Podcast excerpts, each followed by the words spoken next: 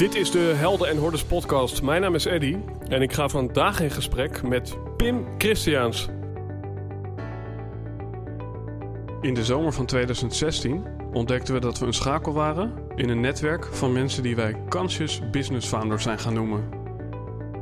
Bijzonder gemotiveerde ondernemers die echt voor durven te staan. Ook als dat inhoudt dat ze daar alleen voor staan. Die 200% toewijding willen geven voor 1% groei en zeggen: Dit ben ik en dit is mijn bijdrage aan een meer gebalanceerde wereld. Helaas kon je niet bij al deze gesprekken aanwezig zijn. Daarom hebben we die bijzondere verhalen voor je samengebracht in deze podcast. We wensen je veel luisterplezier, maar belangrijker nog, we hopen dat jij de volgende stap gaat zetten in jouw avontuur.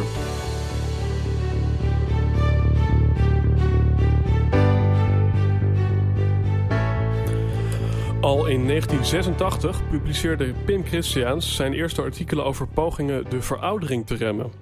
In 2004 zegde hij zijn hectische baan als hoofdredacteur van tijdschrift Mensheld op om een boek over healthy aging voor mannen te gaan schrijven, genaamd De Houdbare Man. Het succes daarvan inspireerde hem tot het schrijven van De Houdbare Vrouw samen met Hanny Roskamp. En Pim schuwt het experiment niet. Zo slikt hij dagelijks meer dan 20 supplementen en test hij verschillende hormonen op zichzelf. Ik ga met Pim in gesprek over de kunst van het ouder worden en toch jong blijven. En last but not least, het belangrijkste verschil tussen meidengroep K3 en de vitamine K2. Zo Pim, uh, leuk dat je hier bent aangeschoven. Zeker. Wat misschien een leuke intro is. Ik was uh, net voordat jij hier kwam, was ik een documentaire aan het kijken van George Harrison op Netflix. Ja. De oude Beatle. En toen zei hij: uh, Ik heb uh, allerlei spirituele dingen gedaan in mijn leven.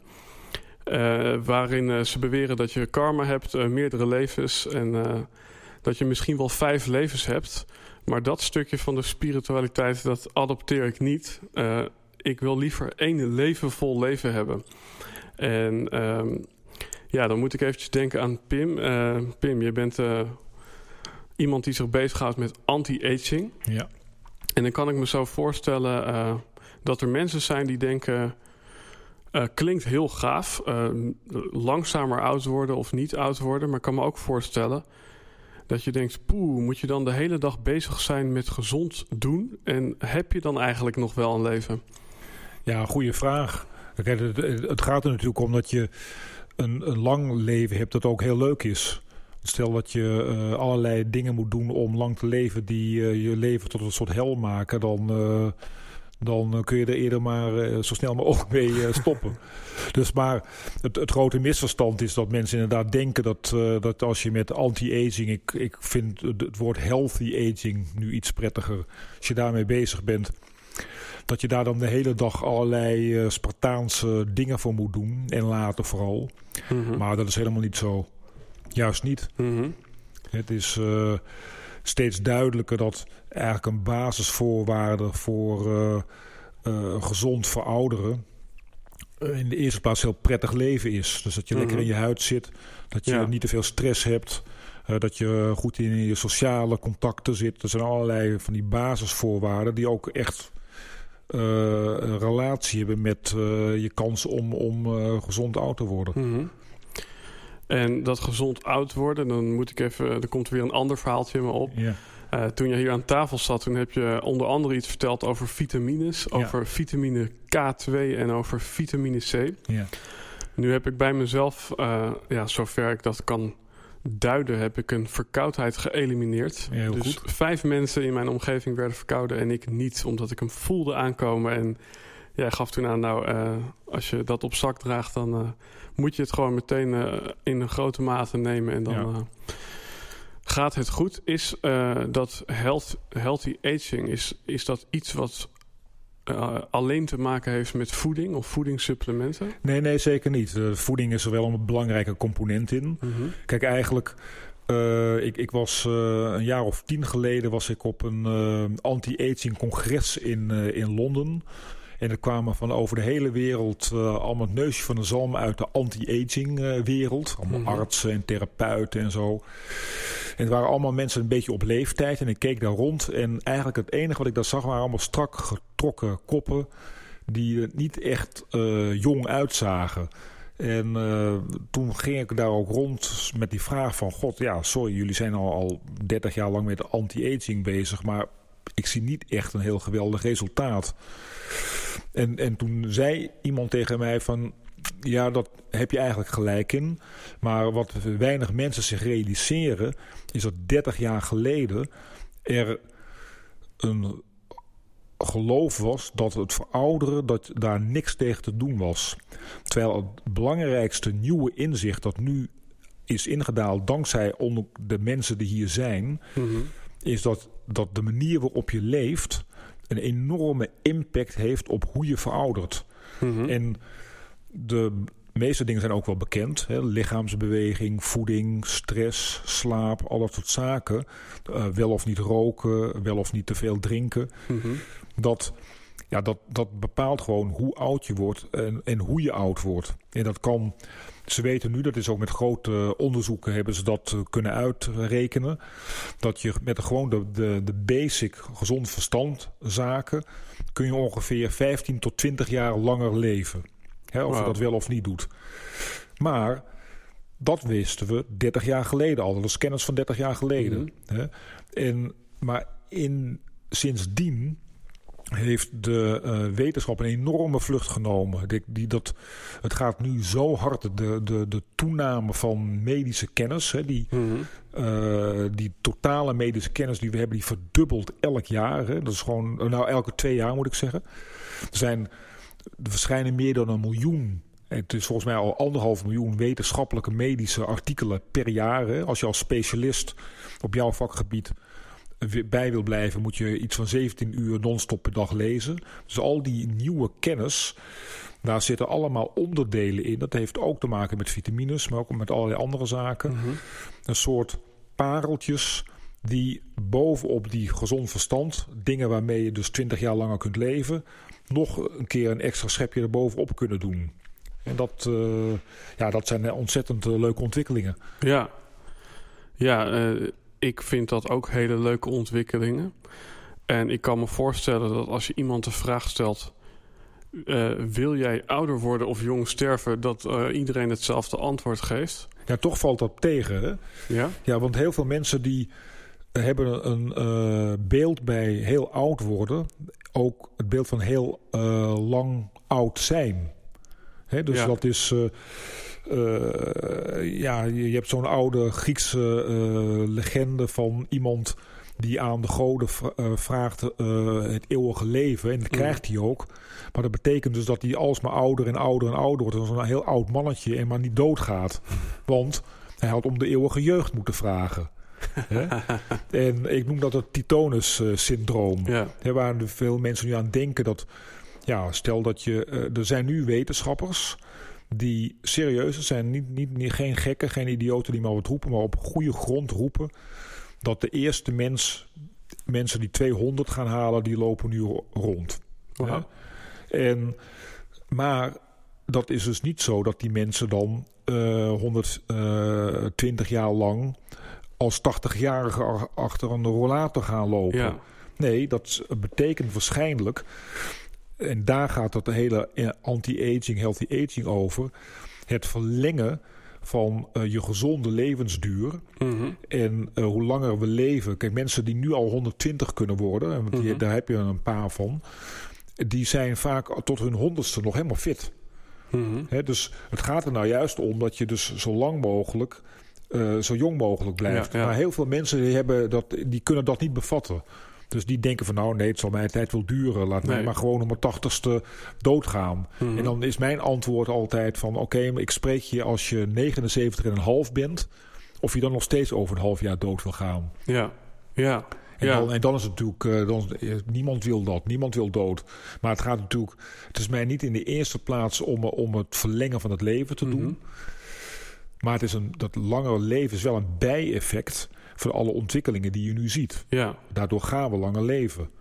En in de middeleeuwen werden we volgens mij, nou ik weet het niet, eh, ik ben geen expert, maar volgens mij werden we 40 of zoiets. Ja, dat was wel gemiddeld, hè? Mhm. Want je had toen ook mensen die eh, 80 werden Ja. of 100 konden worden. Mhm. Alleen dat was veel zeldzamer. Had je wel Mhm. enorm veel mazzel nodig. Ja. Want eh, daar kon je als het ware doodgaan aan een blinde darmontsteking. En als we nog eh, verder teruggaan, eh, er was misschien een dag dat we net zo oud werden als een aap of een kat of een leeuw. Eh, Ja, Die geloof ik, eh, leeuwen die worden 14, eh, zo Ja. even uit mijn hoofd. Ja.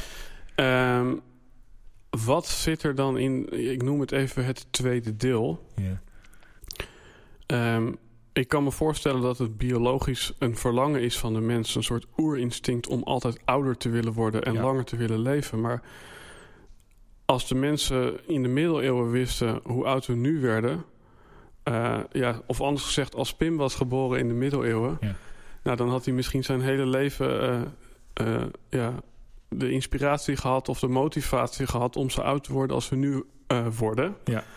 Eh, en nu... ehm, ja, eh, wil je het verdubbelen? Ja, maar ja, je hebt gelijk. Maar, maar kijk, wat mijn punt is, is dat wat weinig mensen zich realiseren, is dat we in een unieke tijd leven.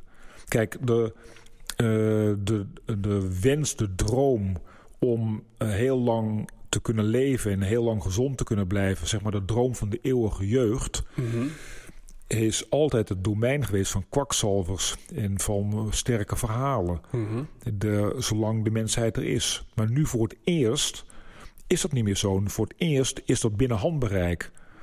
Voor het eerst kunnen we echt ouder worden. En eh, het is dus niet uitgesloten. Ik zeg niet dat het zo is, maar het is niet uitgesloten dat jij en ik over 500 jaar nog steeds leven. Mhm. Dat zou kunnen. Want als je. Er zijn nu zoveel ontwikkelingen gaande. Het gaat nu zo hard Mhm. dat de eerste echte medicijnen die ons jonger kunnen maken, dus ik praat ik ook over verjongen. Die zijn nu, worden nu op dieren getest en die, eh, die lukken. Hè, die Mhm. kunnen dieren kan men jonger maken. Mhm. En dat eh, wordt binnenkort eh, gaan de eerste trials met mensen van start. Nou, Mhm. waarschijnlijk als wij erin slagen om zeg maar nog een jaar of twintig ziektevrij te blijven, gewoon met healthy aging, dan zijn we tegen die tijd wel echt oud geworden natuurlijk, want dat kun je nog niet remmen. Maar eh, tegen die tijd zijn we misschien wel fit genoeg om echt van die medicijnen te gaan profiteren, waardoor we er weer 10, 20 jaar bij krijgen. Ja. Nou, de ontwikkelingen blijven doorgaan. En Mhm. zo zitten we misschien precies aan de goede kant van de golf van, het, eh, van, het, ehm, van die hele revolutie die gaande is. Ja, maar één kant van de medaille, eh, heb ik wel eens horen zeggen, is de mens zijn eerste behoefte of taak is om te overleven. Ja. En zijn tweede behoefte of taak is om door te geven, of, oftewel voort te planten. Ja. Eh, en die tweede, biologisch, zit er ook lekker in. Eh, Mhm. Dus we blijven allemaal kinderen krijgen. En eh, nou, er is een mooie website waar je de populatie op aarde ziet. En je ziet toch echt duidelijk dat er meer mensen bijkomen dan dat, dan dat er weggaan. Ja. Nou, dan hebben we ook nog zoiets als een klimaatprobleem. Eh, Nou, toch is er iets op af te dingen. Want dit is inderdaad het, eh, wat de meeste mensen direct aan denken. Van ja, overbevolking. mhm, En eh, moet je niet plaatsmaken voor de anderen. mhm. Nou, dat stelt je meteen voor een hele hoop interessante filosofische vraagstukken.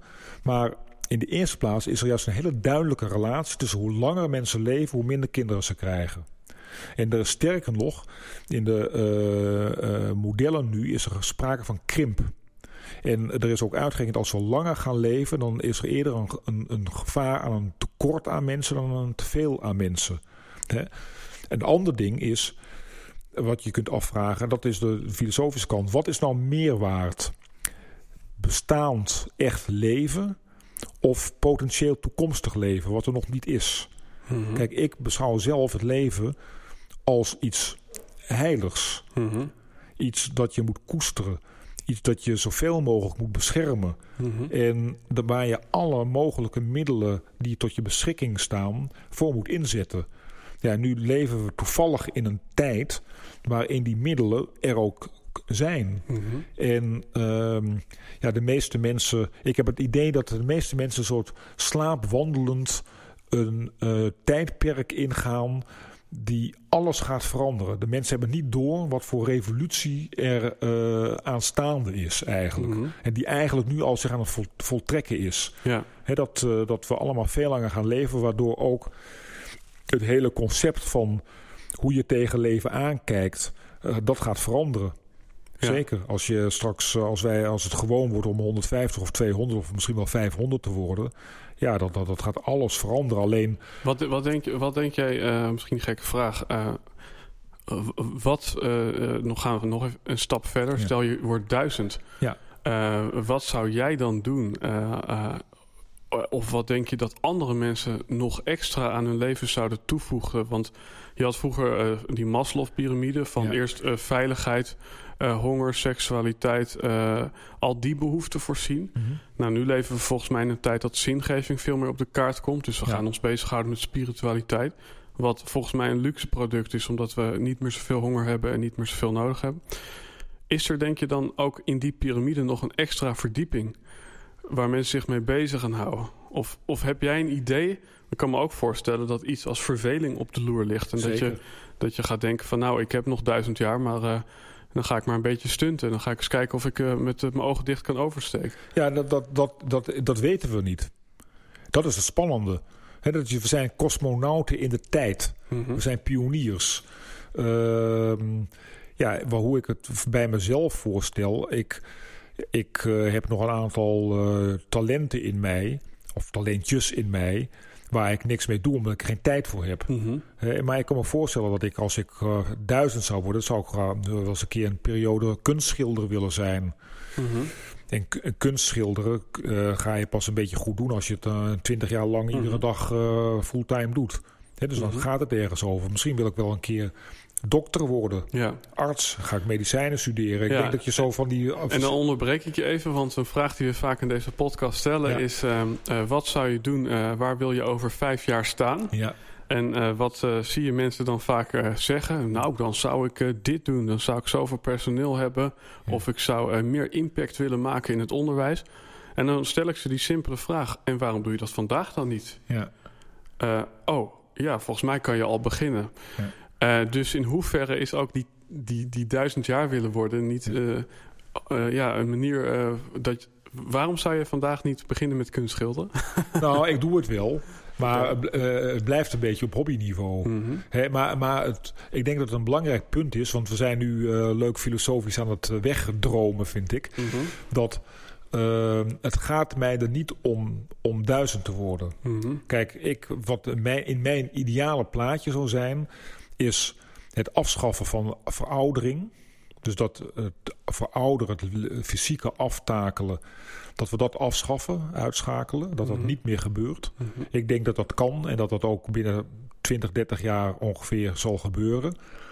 En ehm, ja, het bijeffect zal zijn dat je langer leeft. Mhm. En hoe je dat dan vervolgens oplost is punt 2. Ja, en misschien, zijn, eh, ja, misschien dus besluit je dat je het op, op je 150ste... Dat, het dan, eh, dat, dat de menselijke geest dat helemaal niet aan kan... dat je dan eruit wil stappen of ja, zo. ja. Maar dat is een ander vraagstuk. Maar eigenlijk wat je zegt, eh, ja, doelstelling 1 is niet zozeer het duizend worden, maar het is vooral het leven eh, en vooral het verouderen, wat vaak een pijnlijk of verdrietig proces is, Ja. dat elimineren. Ja, en dan vooral de fysieke kanten van. Want kijk, ouder worden heeft ook een hele hoop mooie kanten. Mhm. En, en ik hoor ook veel mensen zeggen, en dat snap ik ook... het tijdelijke van het leven heeft ook mooie kanten. Het feit dat, het, dat er een einde aan zit. Mhm. Maar dat zal er altijd zijn. Hè, dus Mhm. het eeuwige leven is bijna ondenkbaar. Hè, dat, Ja. Er is uitgerekend dat als je eh, de veroudering uitschakelt... Mhm. dat dan eh, je gemiddelde levensduur duizend zou kunnen zijn. Maar dat je eh, gewoon uit, dat is statistiek. Hè, dus dan, dan- ga je gewoon aan iets anders doden. Een komeet die op je hoofd valt. Of een, dat je je nek breekt van een keukentrapje of zo. Maar, maar, eh, ehm, eh, maar het punt is dat wat, wat ik niet om aan te zien vind, is het verouderen zelf. Het verouderen dat is geen grapje. Het is niet alleen maar dat je er grijs van wordt en wat rimpels van krijgt... en dat het, eh, dat het een knauw eh, aan je ego en je ijdelheid eh, is. Het ouder worden is vatbaar worden voor allerlei ziektes, kwalen, ellende, pijn, uh, geestelijke aftakeling, noem maar op. Mhm. En ehm, ja, net zoals je uh, geen hart- en vaatziekte wil krijgen... en als je dat onder de leden hebt, dat je dan direct naar de dokter rent om er iets tegen te doen... Mhm. vind ik dat dat voor de algemene veroudering ook gelden. En het mooie is dat ik dat niet meer alleen vind...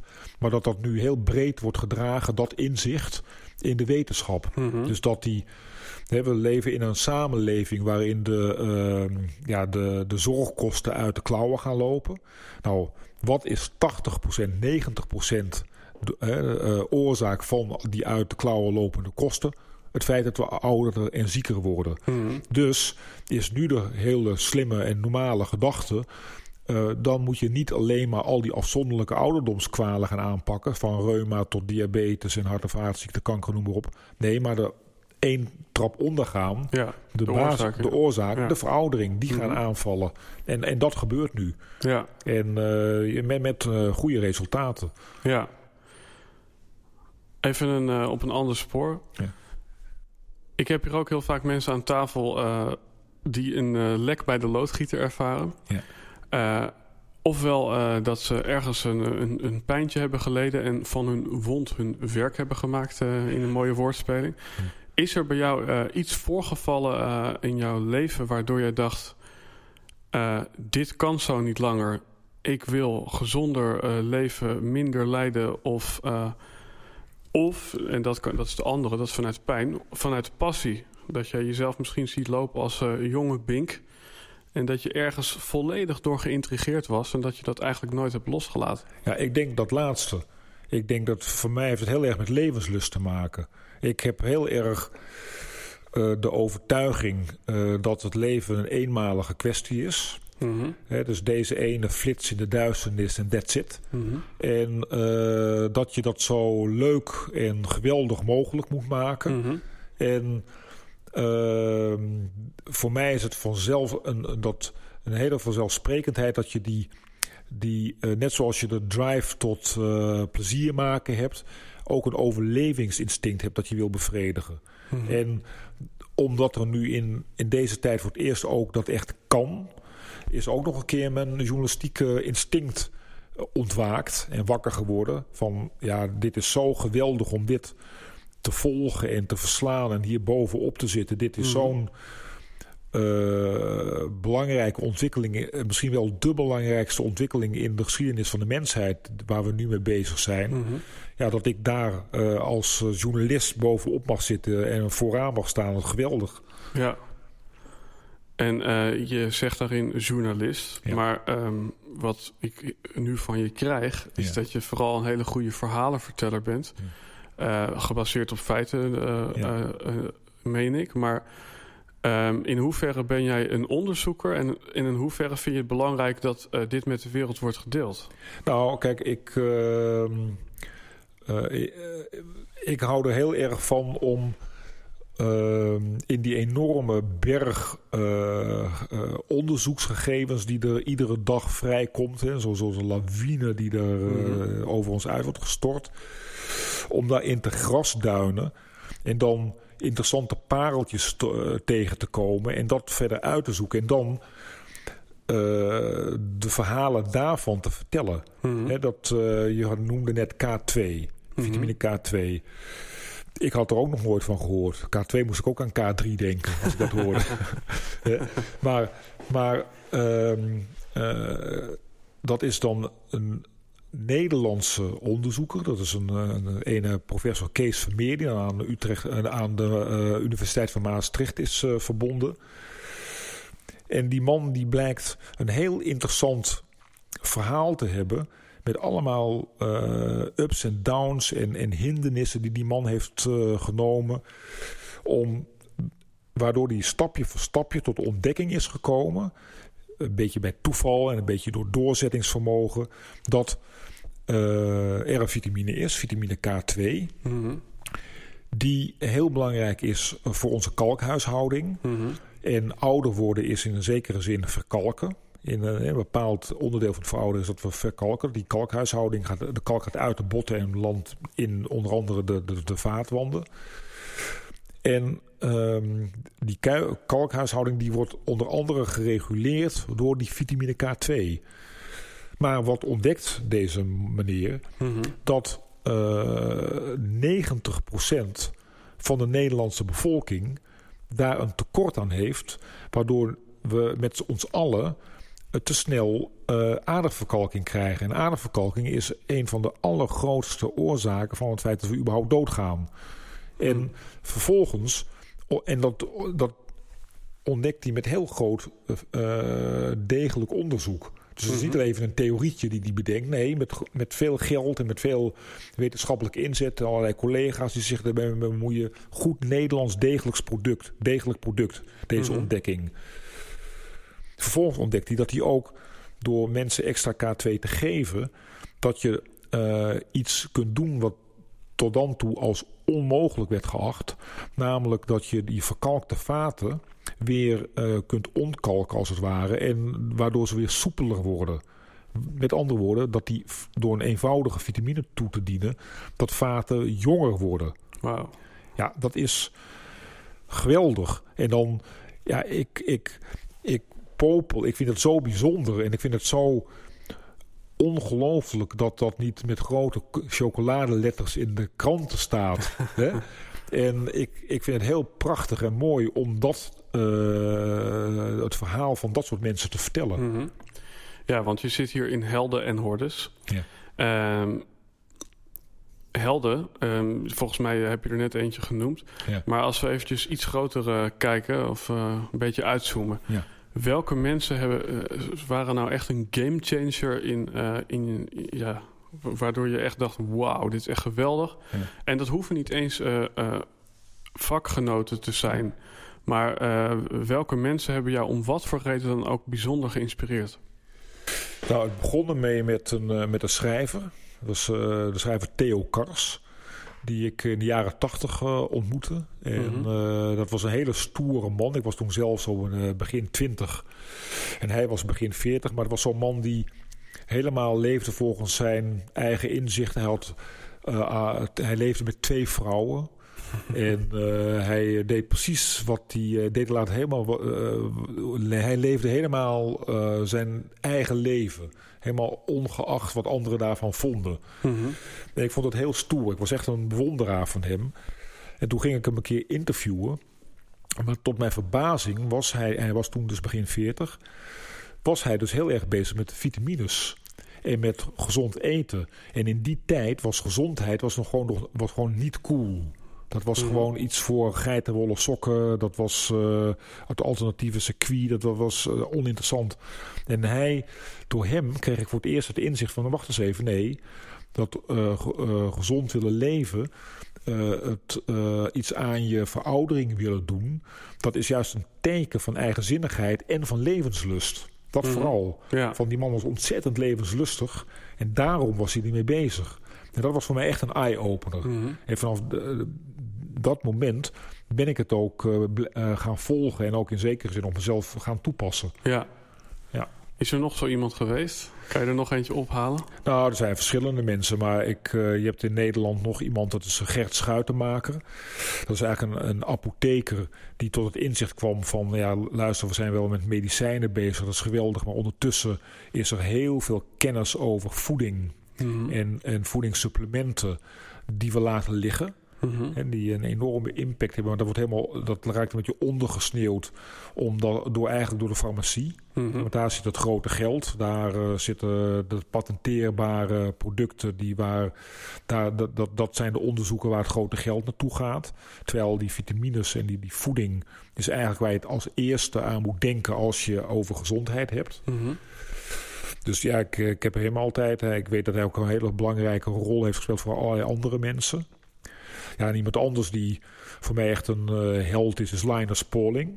Dat is een Amerikaanse wetenschapper die de enige um, wetenschapper die uh, uh, tweemaal een ongedeelde Nobelprijs heeft gewonnen. Eén keer voor de scheikunde en één keer voor de Nobelprijs voor de vrede.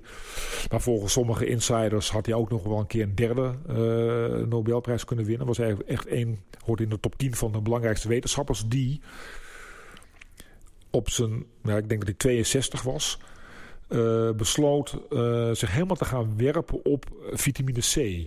Mm En het belang van vitamine C voor de gezondheid en ook daarin uh, voor het eerst, ondanks zijn reputatie, allerlei tegenstand ondervond vanuit de reguliere wetenschap, die dat eigenlijk maar afdeed als flauwekul van vitamine C tegen verkoudheid, want daar, daar begon hij eigenlijk mee.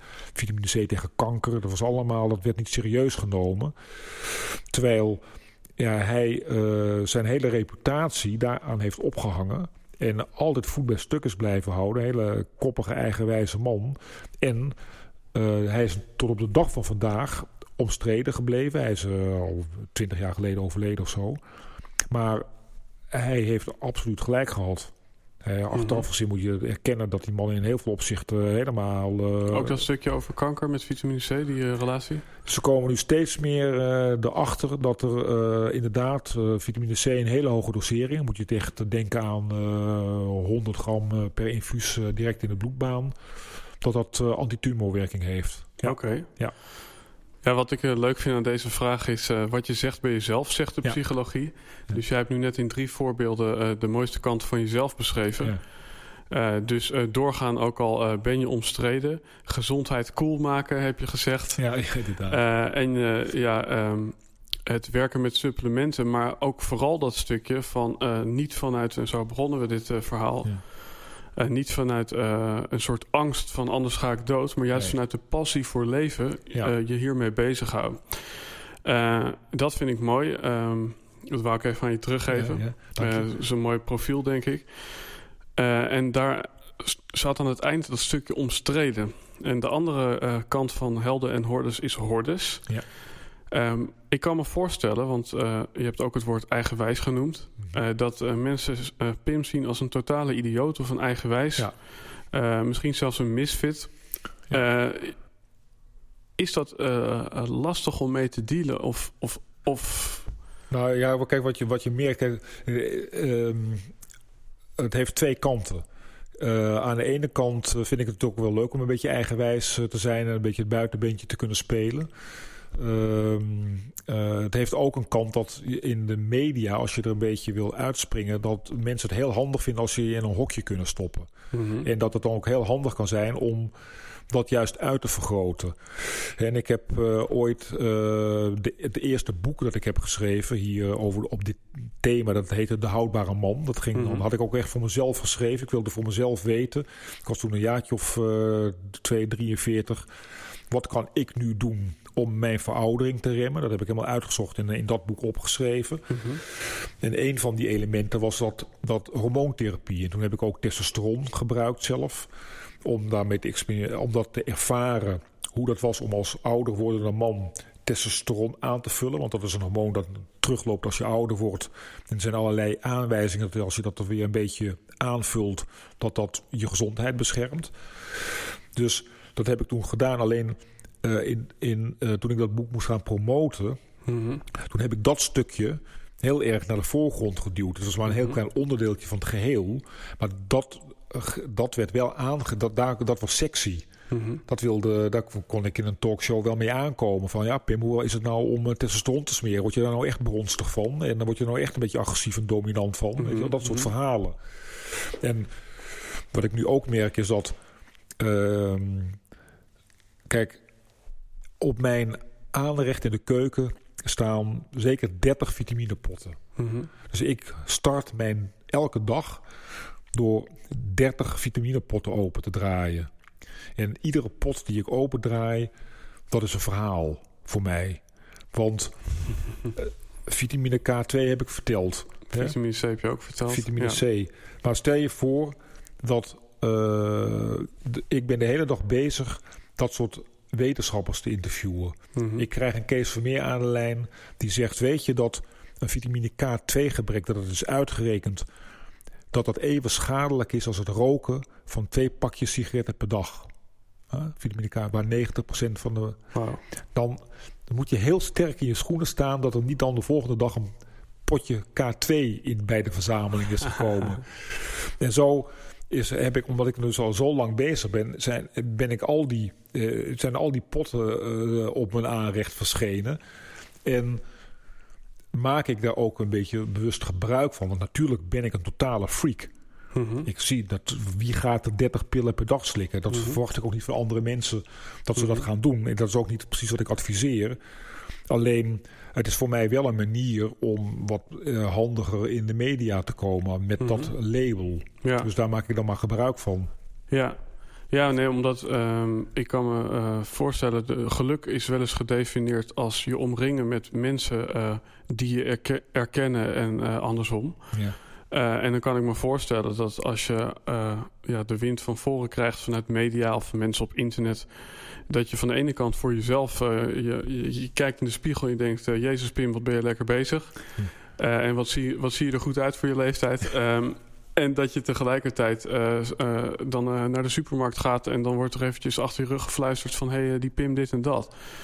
Ja, um, ja hordes is hierin dus de massa mensen. Ja. Hordes is ook een ander woord voor obstakel. -hmm. Heb jij in je loopbaan ja, een paar flinke obstakels gepakt? Of ben je eigenlijk vanuit dat stukje passie treedje voor treedje doorgegroeid naar uh, wie je nu bent? Um, ja, ik denk dat ik uh, treedje voor treedje ben gegroeid. Mm -hmm. uh, ik heb, uh, kijk, ik word wel altijd gedreven door twijfel en onzekerheid. He, dus als ik voor mijn vitamineverzameling sta, bij wijze van spreken, dan heb ik absoluut ook de gedachte van: zou dit kwaad kunnen? Mm -hmm. doe ik iets stoms. Mm -hmm. ik zal niet daarin onderscheiden. Ik ben geen goeroe. Ik ben juist die, die, um, die onzekerheid die ik daarin voel, is mijn, zie ik als mijn kracht. Mm -hmm. Want omdat ik dus met de beperkingen weet in mijn kennis, mm -hmm. Ga ik ook alles bevragen en ondervragen. En um, uh, dus op die manier ben ik uh, denk ik dat ik stapje voor stapje mezelf heb verbeterd, mijn kennis heb vergroot, uh, mezelf vaardiger heb gemaakt om het verhaal te vertellen. Mm -hmm. Maar wat ik wel heb ondervonden is dat ik eigenlijk in een, een laatste stap, in een poging om het groter te maken, om mijn verhaal veel breder te delen, dat is eigenlijk niet gelukt. En mm -hmm. daar ben ik gestruikeld. Mm -hmm. Want mijn Kijk, wat me een beetje mijn frustratie werd. Want ik ben eigenlijk van. Ik voel mezelf echt journalist, ja. onderzoeker en schrijver mm -hmm. en, en verteller. Maar en dat, en een boek is een heel mooie vorm om dat te doen. Maar, -hmm. maar als je een boek schrijft, dan heb je, kun je misschien één boek per jaar produceren. -hmm. Terwijl ik ondertussen al die ontwikkelingen uh, zich zie voltrekken, word ik helemaal ongeduldig van. Dus had ik de gedachte van, wat als ik nou met een team journalisten dit, deze ontwikkelingen gaan volgen. En met als doel om de nieuwste kennis die er is, uh, uh, praktisch hapklaar te presenteren aan mm -hmm. mijn volgers, zeg maar. Ja. Hè? En ehm, ja, die stap, daar ben ik gestruikeld. Dat dus, is eigenlijk dus de, de, houdbare man is over datum, zou je dat kunnen Absoluut. zeggen? ja, ja en, en, en toch voel ik ergens ook een stukje uh, uh, visie of geloof... Ja. Uh, dat je bij je eigen verhaal moet blijven. Ja.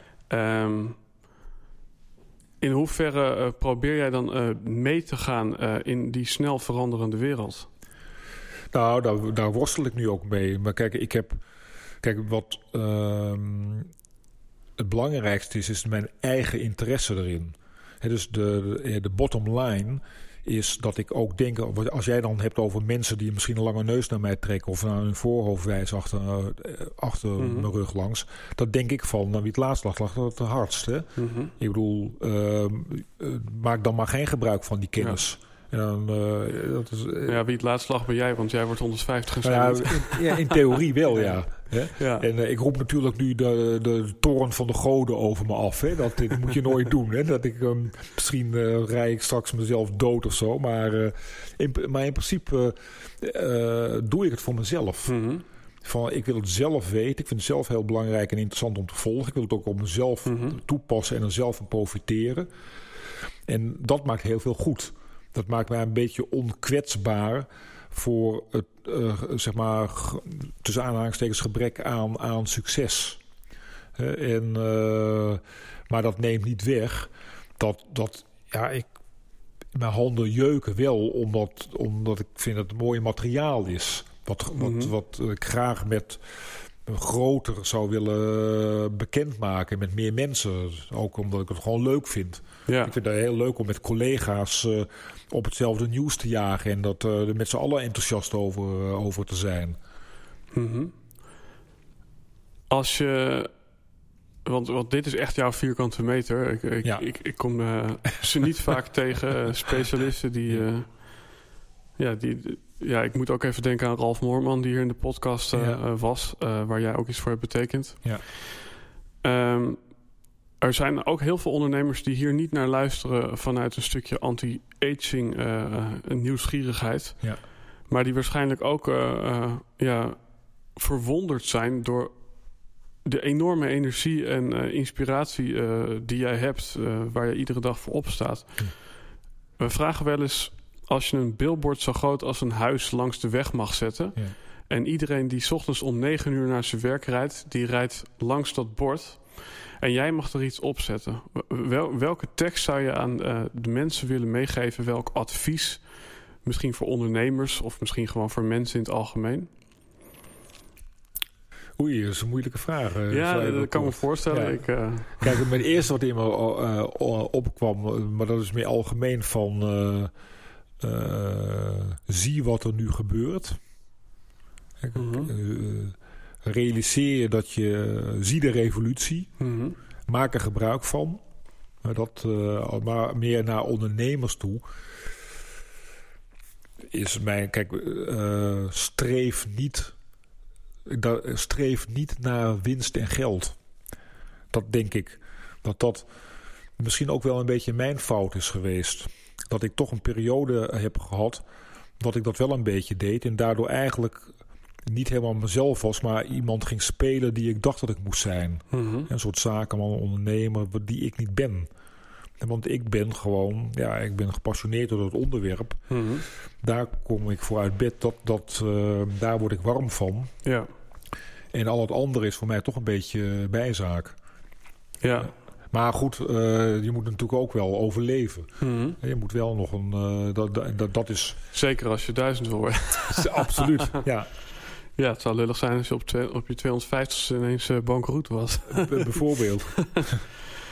Ehm, een andere leuke eh, ja, wissel die, eh, die ik vaak in deze podcast tegenkom is... ik heb hier mensen aan tafel gehad die zweren bij wat ze noemen non-dualiteit. Daar heb ik er twee van gehad. eh, eh, wat inhoudt, het leven is eenheid in beweging. Ehm, eh, nou, zij beweren dat het zelfs wetenschappelijk is van eh, als jij ehm, eh, eh, iets doet, dan eh, verzin je daarna waarom je het hebt gedaan. Ja, de theorie ken ik. Ja, eh, maar eh, dus het verhaaltje komt achteraf. Dus eigenlijk de impuls waarmee jij bijvoorbeeld je glas met thee pakt... dat heb je helemaal niet zelf in de hand, dat gebeurt gewoon. Dus zij Ja. zeggen, er is geen vrije wil en het leven is niet maakbaar. Ja. Het is, je bent als het ware een druppel in de zee... en je stroomt gewoon mee met dat wat het hele universum doet. Ja. En dan heb je mensen, en dan moet ik, eh, ja, dan denk ik misschien eh, aan Edwin Selei en Ilko Smit die hier aan tafel hebben gezeten. Ehm, die toch iets meer geloven in eh, ja, de penalty. dat als je maar lang genoeg traint, dan scoor je hem. Mhm. De maakbaarheid van het leven. Ja. Geloof jij, ik, heb jij een voorkeur in deze twee richtingen? Of geloof je dat het naast elkaar bestaat? Nou, een beetje dat laatste denk ik. Kijk, ik denk, wat ik in de eerste plaats heel erg geloof, is dat ik niet zelf in de hand heb wat ik geloof. Ik ben helemaal een product van mijn tijd. En ik ben zo geprogrammeerd in feite, dat ik, dat, dat ik ook eh, niet anders kan dan concluderen dat ik het eindproduct ben van een lange keten van oorzaak en gevolg. Dus dat Mhm. er weinig of geen ruimte is voor vrije wil. Hè. Tegelijkertijd vind ik het ook een heel theoretisch gezwets. Want ook al is het zo, in de dagelijkse praktijk ga ik nu toch straks wel of niet de keuze doen om in mijn auto te stappen. Mhm. En wel of niet een keuze te maken om dus of dat nou Ja. waar dat nou vandaan komt. Ik, in, theo, in, in de praktijk moet ik toch leven alsof ik die vrije wil heb. En denk ik ook ja, dat, het, eh, dat, dat het leven eh, maakbaar is. Maar het is een hele mooie troostende gedachte dat als dingen mislukken, dat je denkt, nou het, had zo, het heeft zo moeten zijn. Ja. ja, dat is inderdaad interessant. Ik, eh, ik zie vaak dat mensen die zeggen dat ja, er is iets fout gegaan... of ze werden ziek of ze haalden een slechte score... Nou ja, dan, ja, dan, was, eh, dan regende het buiten en ja, ik kreeg een, een lekker band enzovoort.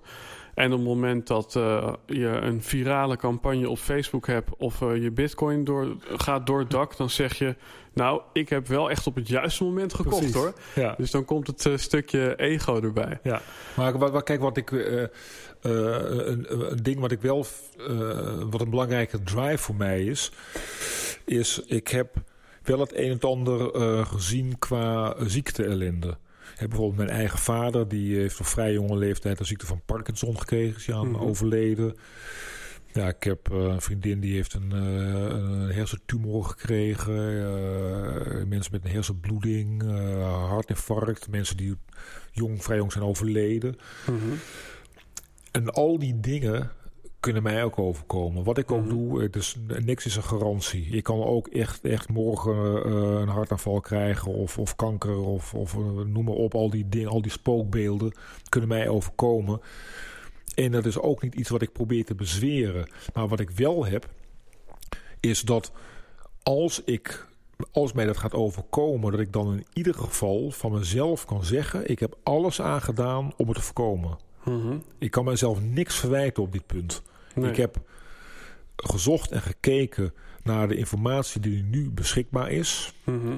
En er is heel veel meer informatie beschikbaar op deze punten dan de meeste mensen denken. Ik heb dat naar mijn beste eer en geweten proberen toe te passen. Ik zal er Mhm. misschien fouten in hebben gemaakt, maar dat, ik wist toen niet beter dan dat. Ja. En dat heb ik gedaan. En dat geeft wel een soort rust, die Ja. gedachte. Nou, ik, ik hoor daarin ook van eh, dat je de valkuil eventjes hebt gekend. Dat je dacht, eh, ik moet eh, veel verdienen en ik moet me daarop focussen. Waarin je eigenlijk resultaatgeoriënteerd aan het denken bent. Ja. En wat ik nu vooral hoor, is waar je op focus is op de input. En het proces en niet zozeer de output, namelijk hoe oud word ik. Nee. Want net aan tafel ja, kwam er ook eventjes voorbij een man die eh, zich hiermee bezig hield. Eh, nou, misschien is het goed dat je het zelf vert- vertelt, die niet zo oud werd. Ik vond het al een mooi stukje. Ja, ja nou, dat was eh, Jim De Vares. Een hele markante Nederlandse arts. Een van de Mhm. eerste anti-aging artsen. En eh, die ik voor de eerste keer heb geïnterviewd 30 jaar geleden. Toen was hij een jaartje of 50. Mhm. Daarna ben ik hem altijd een beetje blijven volgen. En vooral in de laatste jaren van zijn leven eh, was dat in- eh, contact weer intensiever. In die tijd had ik inmiddels mijn eigen uitgeverij. Mhm. En die man die was heel scherp van geest, heel levendig. Op zijn 88ste nog. En die wilde graag een boek schrijven dat ik ging uitgeven. Hadden we ook bedacht de titel van hoe word ik eh, 120. Dat zou hij gaan schrijven. Hoe word ik 120? En eh, nou, ik heb een eh, contract, eh, auteurscontract opgemaakt. Eh, en dat zou ik op een donderdag zou ik naar hem toe gaan om dan zou hij dat ondertekenen. maar twee dagen daarvoor is hij overleden. Heel, Ja. ja. ja, treurig. Maar, maar hij was er ook heel stoïcijns in. En hij zei ook van, ik ben niet bezig met eh, eh, 120 worden. Ik ben bezig met niet ziek worden. Mhm. Ik wil niet ziek worden. En het bijeffect is dat ik dus ook langer zal leven. Ja. En hij, hij heeft een hersenbloeding gekregen op zijn 88ste. Hij was wel tot op het laatste moment eh, heel, heel scherp en- Mhm. en, levendig. En toen heeft hij eh, eigenlijk zelf eh, eh, heel snel voor euthanasie eh, gekozen. Ja. Ja, want het ging hem niet om het leven maar uit, eh, te, te, te blijven rekken. En dat, dat herken ik heel erg. Ja, ja, ik vind het een, eh, een mooie nuance. Ehm, Je hebt net twee dingen genoemd en ik wilde eigenlijk nog een derde ook voor de luisteraar bij uh, hebben. Vitamine C en K2. Is er nog een derde ding waarvan je zegt, nou als je die thuis hebt staan... En misschien is het niet eens een supplement. Misschien is het wel een ritueel wat je dagelijks doet. er worden ook steeds meer dingen over meditatie wetenschappelijk aangetoond. Is er iets wat jij dagelijks doet of tot je neemt waarvan je zegt, nou, die moeten mensen ook aan hun lijstje toevoegen? Ja, nou, waar zal ik beginnen? ja, nou kijk, een van de dingen die ik uh, zeker, die geestelijke rust, hè, mm mediteren, dat is absoluut super Doe je dat zelf ook? Ja, ja. Oké. ook steeds meer.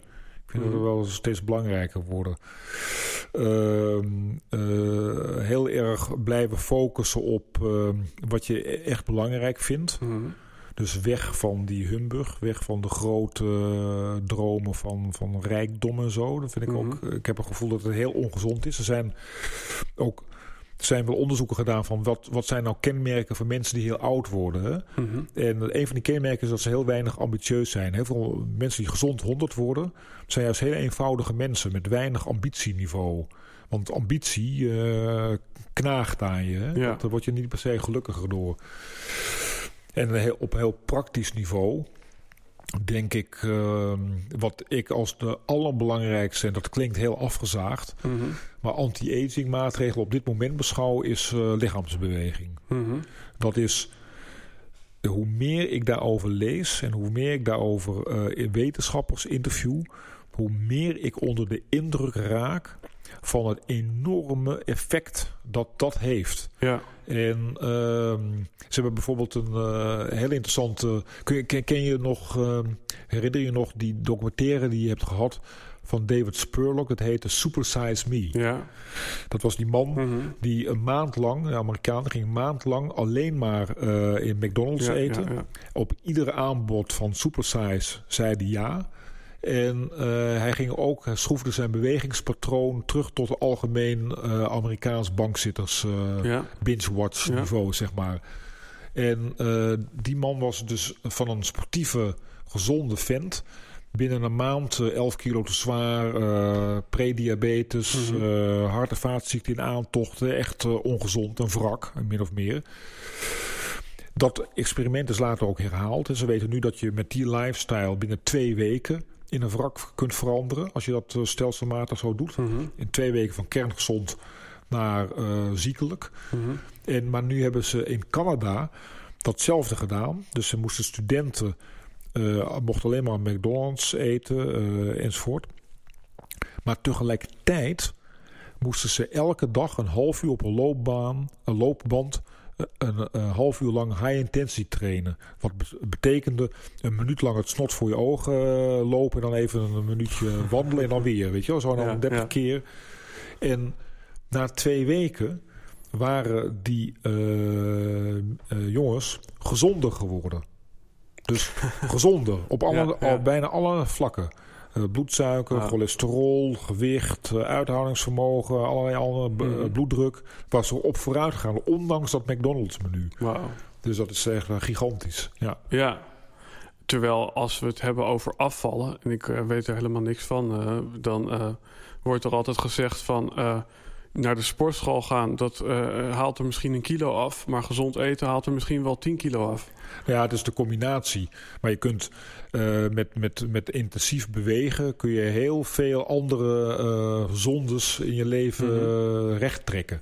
En Ja. die onderzoekers die zeiden ook van ja, kijk naar topsporters. Als je ziet wat die allemaal weg verstouwen aan eten, aan vreten en ongezond Ja, eten. ja. Maar ja, die blijven toch gezond en in topconditie. Ja, Maar je hebt een heel interessant... ehm, eh, een, eh, eh, een heel interessante, een van mijn andere helden, dat is Ja. Bruce Ames, dat is een Amerikaanse Mhm. wetenschapper.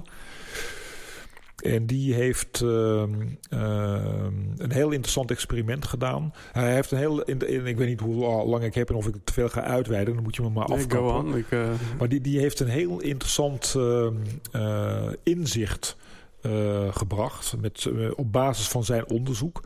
Namelijk dat het lichaam eigenlijk heel grofweg twee systemen heeft. Het ene systeem zorgt ervoor dat je blijft leven op de korte termijn, acute overleving. Mhm. Het andere systeem zorgt voor het lange termijn onderhoud.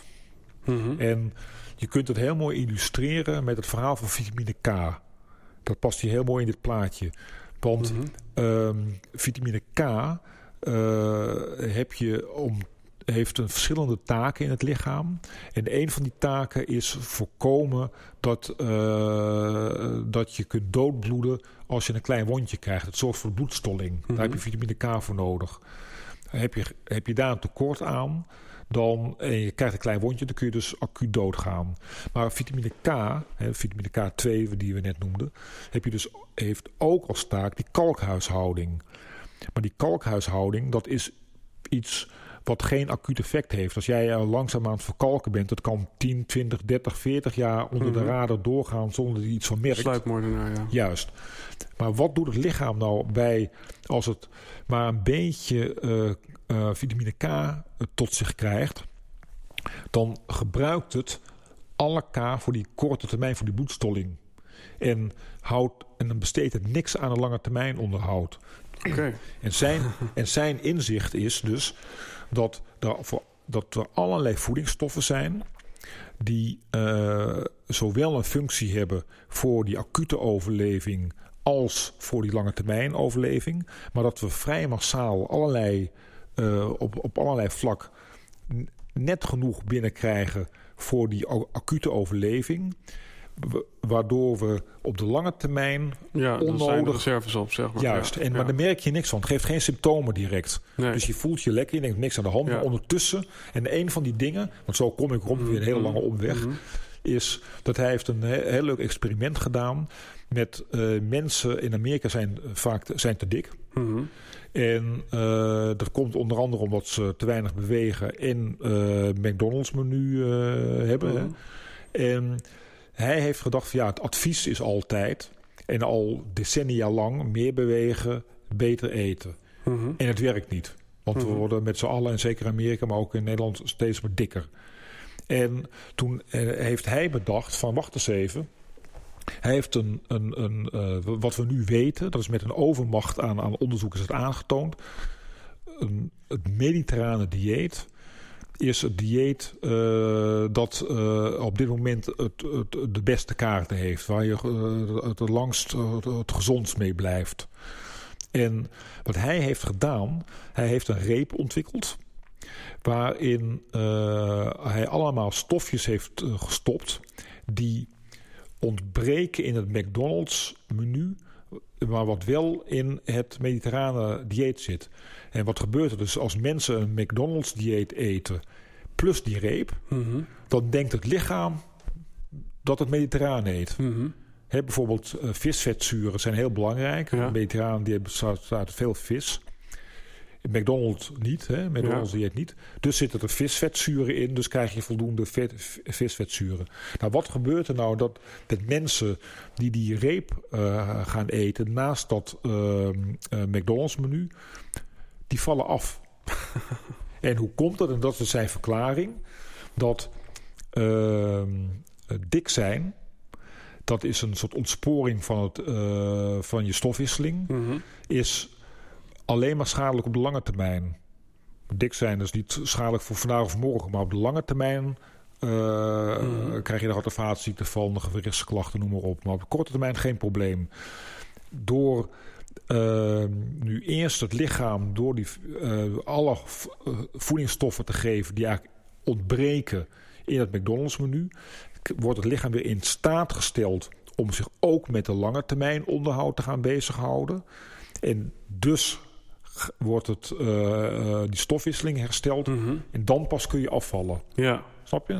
Ja, nou ja, het is, eh, ik moet even denken, omdat we hier natuurlijk ook in de ondernemerspodcast zitten. Ja. En dan gaan we langzaam naar het eind hoor. Ja. Maar dat verhaal van de houthakker, dat er een eh, voorbijganger loopt en die zegt... eh, zo, houthakker, lekker aan het hout hakken. Nou, en dan zegt houthakker, ja, prima. Een dag later loopt die voorbijganger met hond weer langs. Zo, ben je nog steeds bezig? En eh, ja, ja, ja. En op de derde dag komt die voorbijganger langs en die zegt... hey, mag ik je een tip geven? Zou je niet je bijl eens gaan slijpen? En dan zegt de houthakker, nee, nee, nee, want ik moet nog zoveel bomen omhakken, daar heb ik geen tijd voor. Ja. En ja, dat vind ik eventjes een mooie, omdat ja. Wat jij eigenlijk nu schetst is een soort basisuitrusting als dat fundament er is. Ja. Dan kun je vanuit daar gaan doorbouwen. En dat vind ik ook een mooie metafoor voor ondernemers. Ik moet denk, denken aan dingen als passief inkomen en, ja. enzovoort. volgens mij ben jij iemand en ja, daar haak ik graag op aan, waar je gewoon de hele avond mee kan doorlullen. ik ga hem toch ja, naar het einde toe brengen. Is er één plek waar je van zegt, nou, als jullie nieuwsgierig zijn, wat volgens mij ook een van jouw woorden is, in dit onderwerp, waar, waar, moet, waar moet ik dan zijn? Ja, ik denk bij mijn website, hè, mm -hmm. bij uh, liveunlimited.nl. Mm -hmm. Dat is uh, waar ik nu uh, mijn ding doe. ik ik blog daar en ik ben nu met een nieuw dingetje bezig. De, de, de, mag ik dat even vertellen? Mm -hmm. Daar is er ruimte nog voor. Dat, kijk, een van de nadelen van, van het boeken publiceren is dat die ontwikkelingen gaan zo snel dat op het moment dat je een boek uit hebt, is het eigenlijk wel een beetje achterhaald. Mm -hmm. die, die, praktische adviezen over je gezondheid. Dus wat ik nu uh, mee aan het experimenteren ben, is met kleine pdf-boekjes. Die bijvoorbeeld over je, hoe, hoe houd je je bloeddruk gezond? Ja. Of hoe houd je je bloedsuiker onder controle? En ehm, die, die boekjes die, uh, die kun je bij mij voor een klein bedrag kopen. En die bestaan uit twee delen. Eén is een soort overzichtje van wat we nu weten, de laatste kennis over zo'n onderdeel van je gezondheid. Mm -hmm. Plus de, de nieuwste adviezen op dat gebied. Eigenlijk zijn die boekjes dus ook anti-aging, want die worden ja. steeds weer nieuwer. Ja, want, uh, op het moment, want op het moment dat je die koopt, dan krijg, kun je een eigen account aanmaken. Dan kun je hem altijd blijven downloaden. En ik blijf die boekjes dan updaten. Mm -hmm. Dus dat ze uh, eeuwig houdbaar, eeuwig jong zijn. ja, nou ja. Uh, super gaaf. Ik, ik zelf ja, wil altijd de next step zetten. Maar ja, waar we het voorheen ook even over hadden. weet je wel The Journey of Thousand Miles begins with one simple step. Ja. Dus uh, dat is of inderdaad dat potje K2... of het is dat ene boekje om dat uh, probleem te tackelen. Ja. Uh, ja, ik vond het echt een super inspirerend gesprek. past wat mij betreft ook heel erg thuis in het rijtje van de mensen... die we tot nu toe hebben gehad. Um, voor de luisteraar, als je iets aan Pim wil vragen... dan kun je hem zelf natuurlijk benaderen. Ik zeg maar even op Facebook of welke kanalen je nog meer gebruikt. LinkedIn waarschijnlijk. Ja. Um, je kan ook via hashtag helden en hordes of helden en hordes een reactie of een toevoeging doen op deze aflevering. In de show notes mag Pim ook nog wat extra linkjes zetten naar uh, interessante en boeiende dingen van zichzelf of van iemand anders. Uh, ik uh, dank je nogmaals hartelijk en voor de luisteraar tot de volgende podcast. Misschien nog leuk voor jou als luisteraar. Veel van de gasten in onze podcast hebben bij ons bedrijf Dr. Woe hun verhaal bevrijd. En voel je nu ook dat je meer impact kan maken, maar mis je een rachtstrak verhaal? Dan is het misschien leuk als je een keer vrijblijvend met ons mee komt lunchen. En daarvoor kun je het beste even naar Eddie appen. En Eddie, dat ben ik. En mijn nummer staat in de show notes van deze podcast. Dus tot snel bij de volgende podcast of misschien bij ons aan tafel. Ciao!